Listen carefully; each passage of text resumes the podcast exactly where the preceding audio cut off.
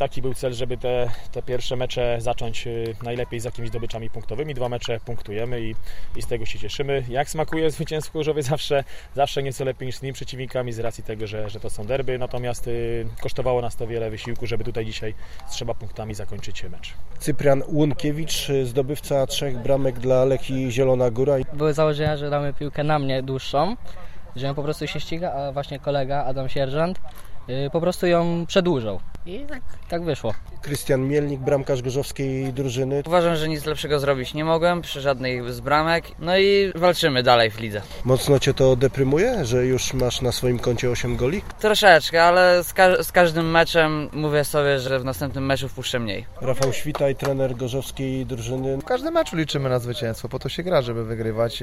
Nie uszczygliśmy się dzisiaj ponownie błędów, nie wykorzystaliśmy sytuacji, które mieliśmy i tak to jest. Jak my nie wykorzystamy, to przeciwnik wykorzysta. Szkoda, że gdzieś tam, mówię, te błędy nam się przytrafiają i tak patrząc na to, myślę, że no, zbieramy trochę doświadczenia na razie.